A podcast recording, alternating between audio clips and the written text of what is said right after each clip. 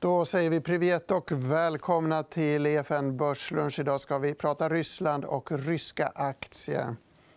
Här i Stockholm backar index något, ner 0,4% Även RTS i Moskva backar något mindre. Vi antar att coronaviruset i Kina är en dämpande faktor bakom humöret.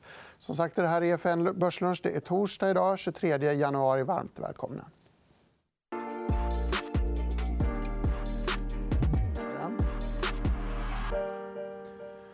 Och vi säger varmt välkomna till Fredrik Colliander och Elena Lovén. Kul att ha er här tillsammans.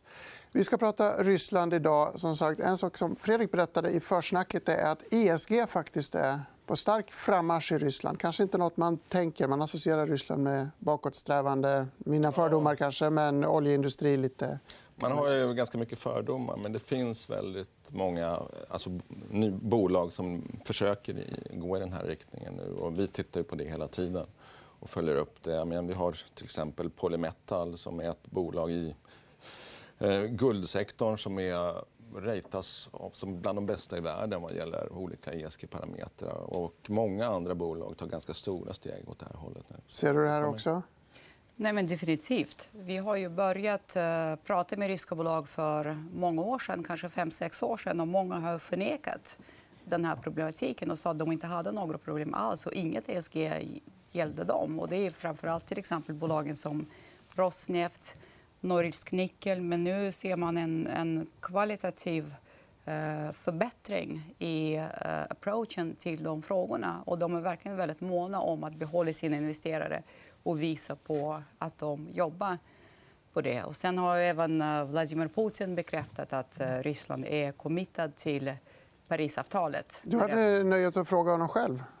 Jag fick förmånen att vara med på konferensen där han var eh, gästtalare och frågade honom. och Han svarade ja på det. Mm. Så jag var väldigt nöjd. Ja, de har ratificerat avtalet. Nu. Ja, exakt. Modernare och grönare Ryssland alltså, och bättre corporate governance-struktur överlag. Eh, kan man, kan man dra den slutsatsen? Absolut. Vi kan se förbättrad corporate governance egentligen över hela linjen tycker jag, de senaste åren. Vi såg Gazprom förra året som ledde till att aktien gick upp 90% lite drygt. Uh, utdelningarna är höga. och Det har också att göra med, med en förbättrad corporate governance. Och det gör ju att equity risk premium sjunker och det trycker upp marknaden. Mm. Uh, så det, det, ser vi nästan över hela linjen. Faktiskt. Mycket att prata om. Alltså. Vi ska göra en kort avstickare bara och titta på dagens rapporter här i Stockholm. Ingen rysk koppling får dem. Men vi noterar att Bonava faller kraftigt på sin rapport som bland annat bjöd på en minskad utdelning. Åt andra hållet går eh, Sven Hagströmers Creaders som eh, levererar högre utdelning. Vi noterar också en omvänd vinstvarning i Bilia och flera intressanta rapporter i USA i eftermiddag. Men åter till Ryssland. Första grafen i dagens paket här är en enkel RTS-graf jag tog fram jämfört med OMX eh, Stockholmsbörsen.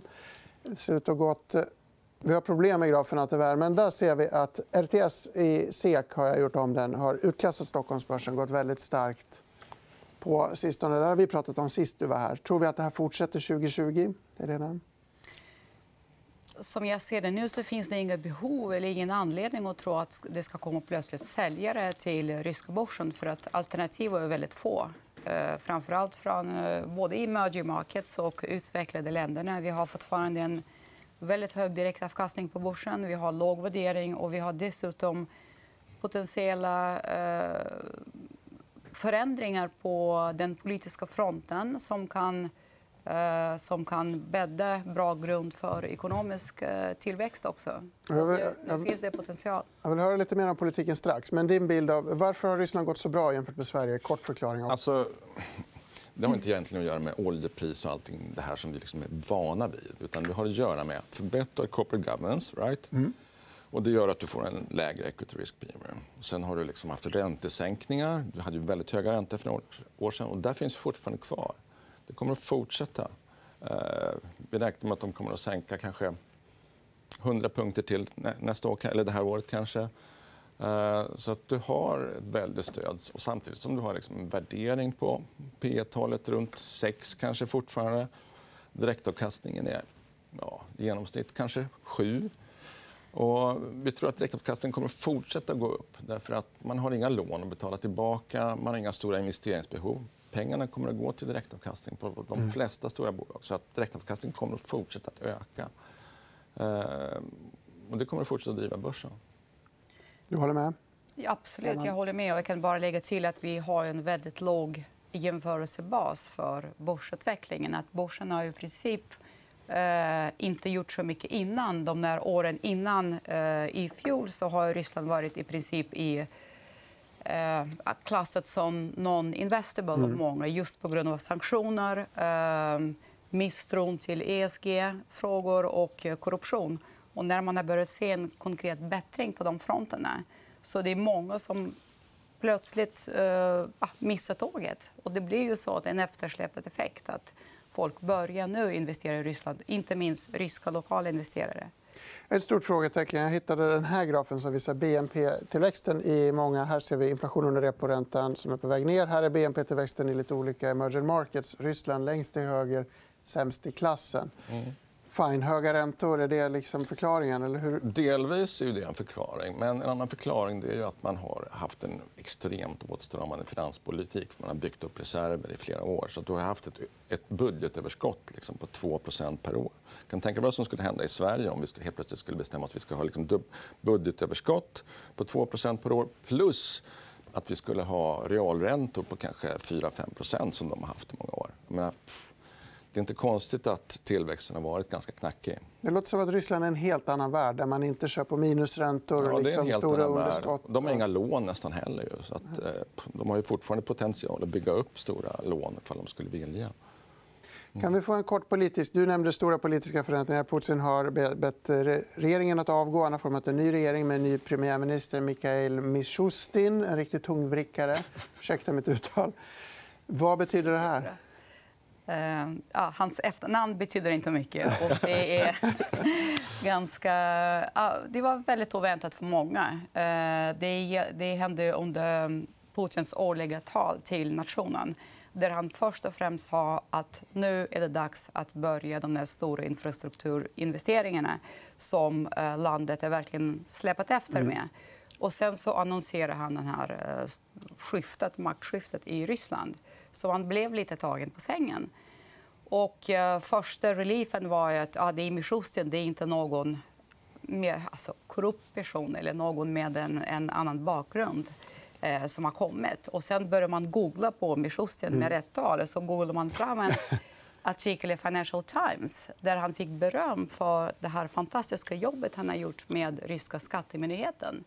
Att han har transformerat skattemyndigheten till en helt modern uh, state of the arts-system. Eh, där han får samtidigt liksom, uh, notiser från 90 olika, regioner och kan agera den som sitter där. Och liksom, så Tryssland är ett stort land. Så han har gjort väldigt bra jobb. Det låter som en väldigt kompetent teknokrat utan egna presidentiella ambitioner. eller hur ska man läsa det maktspelsmässigt? Ja. Sen så är han förankrad också. Jag tror att han eh, stödjer den uh, ekonomiska politiken som har varit och centralbankens oberoende, vilket är väldigt viktigt. Mm. Och, uh, nu ser man på den nya sammansättningen av kabinettet av new, uh, new government då, att det är bara tre personer som fick sitta kvar i och för sig. Och de andra är hans allies från skattemyndighetens tid. Vilket är, öppnar upp för en tes att nu fick han carte blanche från Mr Putin. Att, att, ja. Vi nämnde moderniseringen i corporate governance-strukturen. har vi en modernisering i statens intäkter och, och flöden också, vilket båda gott. Nästa graf tar oss in lite grann på oljepriset. Där ser vi budgetbalansen, eh, vilket verkar harmonisera med en stark olje eh, oljeprisutvecklingen. Vi har pratat lite om de starka statsfinanserna. Jag vill gå in på det gamla Ryssland innan vi tittar på det nya. Och det är två bolag i ditt det som du gillar, Fredrik, som är särskilt energibetonade. Gazprom Neft och Novatec. Alltså, man ska inte glömma att Ryssland är mycket energi. och Det här är två bolag som vi gillar. Novatec är äh, gas. Äh, ett nytt bolag. Extremt effektivt, levererar alltid. Eh, och ett av de få bolag som växer. De är specialiserar sig på liquid natural gas och de kan sälja över hela världen. De har en väldigt långsiktig strategi. De ligger också helt rätt i den här eh, fasen då man ska ersätta kol globalt med gas som är mycket mm. renare och effektivare bränsle och som kommer att behövas. Så de kan verkligen leverera och är billigt och bra. så att säga. Gazprom Neft då? det är inte samma sak som Gazprom? Nej, det är inte. Det är ett dotterbolag, eh, kan man säga. Men det är deras oljebolag som kommer från Sibnef tidigare som ägdes av Abramovic som köpte det för många, många år sedan. Också ett bra bolag. P5, direktavkastning på kanske 9 och som också kan uppvisa tillväxt och är välskött. Eh, så, så absolut. P5, det är fascinerande. Ja, ja. Det här har vi pratat om tidigare. att Det är så otroligt billigt på ryska börsen trots att utvecklingen är stark. Absolut. Och de här utdelningarna. Ja. Mm. Utdelningarna och kanske inte så mycket tillväxt i sig men en bättring i eh, bolagsstyre mm. och ökade utdelningar gör att, också att man har bättre förtroende för ledningen och eh, kan investera. Jätteintressant. Vi ska gå vidare till Elena. En av Elenas käpphästar när hon kom hit det är att Ryssland är mer än det här. Det här är väldigt intressant. Men det finns ett nytt Ryssland också. En komponent i den här moderniseringen är att ryssar själva är intresserade av att investera på aktiemarknaden.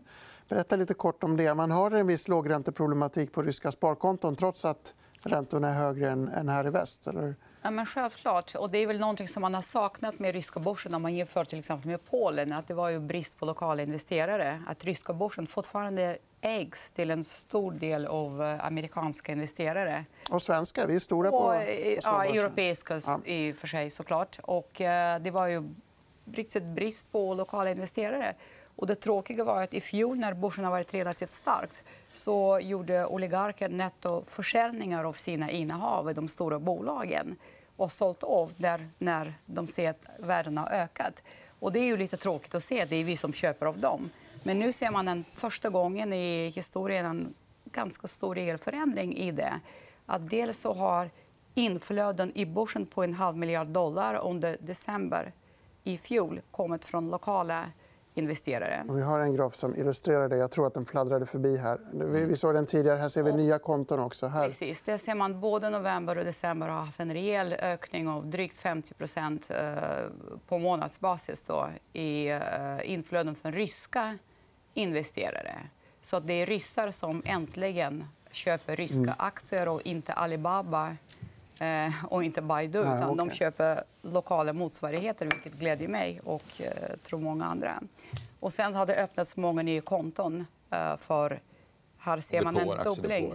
Det är, aktie, det är aktiedepåer för att de ska kunna handla med lokala aktier. Och det är en naturlig utveckling. Att ryska investerare ska handla på ryska börsen. Framförallt när ryska börsen är undervärderad och betalar höga utdelningar. Så det är en klar positiv trend. Samma trend vi har sett här, men den är bara försenad i Ryssland. Eller hur ska man tolka De ligger lite efter, får man ja. säga. Ja. 20, och Sverige ligger 20 väldigt långt 20 år efter, bara. Kanske. Men stark trend. Eh, på temat nya Ryssland finns mail.ru, alltså ryskt mejlbolag. Men mycket mer än så, Elena. Här ser vi en liten överblick. Ja, jag försökte att prata om Ryssland som inte bara olja och gas. Fast jag gillar, gillar vi gas. båda. Eh, vi gillar både och. Men vi gillar också New Russia. Och där har vi nämnt förut ett bolag som heter Yandex som är sökmotor. Mail är en peer, en, en, en konkurrent som har börjat som en um, internetportal där alla ryssar hade sina e-mailadresser, mejlkonton, mail.ru. Sen har de köpt ner Vkontakte som ryska motsvarighet till Facebook. Mm. Och sen har de även Delivery Club där man kan, ryssar kan online beställa foodleveranser. De har Citymobil, vilket är ett taxibolag. De har samarbete med uh, Sberbank, ryska största banken. Alibaba. Och de har... Alibaba. Alibaba också. Och de har e-commerce. Ett digitalt konglomerat, alltså, Fredrik. Mm. Du gillar det här också? Absolut. absolut, absolut. Och de har ju haft lite problem med att leverera de senaste åren. Men vi har sett en en förändring i, i, alltså i leverans egentligen nu, de senaste. Så vi, vi tror att det kommer att fortsätta. Vi har några avkastningsstaplar för mm. bolaget också, apropå det. Mm. Det ser lovande ut framåt. Mm. Absolut. Eh, det är ett bolag som har visat på tillväxt och det finns förutsättningar för att de ska fortsätta eh, göra det. Så det är klart intressant. Mm. Hur är konkurrensen? Då? Liksom, vad ska man vara orolig för om man investerar i en sån här konglomeratspelare? Ja, alltså... Svårt att säga. Alltså, vi, vi, har egentligen två stora spelare vad gäller internet i Ryssland. Det är Yandex och Mail. Mm. Och jag tror att det finns plats för båda. Det är väldigt svårt för internationella att komma in. Mm. Eh, dels för att du har det kyrilliska alfabetet och dels därför att att ryska myndigheter också vill ha en visst ryskt inflytande i den här sektorn. Gillar du också Yandex? Gillar du... Absolut. Ni gillar båda? Ja, båda jag gillar båda? Jag, jag gillar Yandex också. Så att, ehm, ja, absolut. Så att det, det är liksom mycket så att den här marknaden kommer att tas av de här två spelarna. Mm. Så man kan lägga pengarna i både Yandex och Mail och, eh, Ja. och låta dem växa sida vid sida. helt enkelt. Mm. Absolut. Ja, mycket spännande. Då har vi fått två spel på det gamla Ryssland och två Mm. spel på det nya Ryssland. Och det tackar vi för. Imorgon är det fredag. Då blir det faktiskt handbollsspecial. Detta med anledning av den pågående internationella tävlingen. Jag kan ingenting om sporten, men det kan Erik Sprinkorn och Per Johansson som gästar oss då 11.45 imorgon fredag. Tack så mycket. Och tack.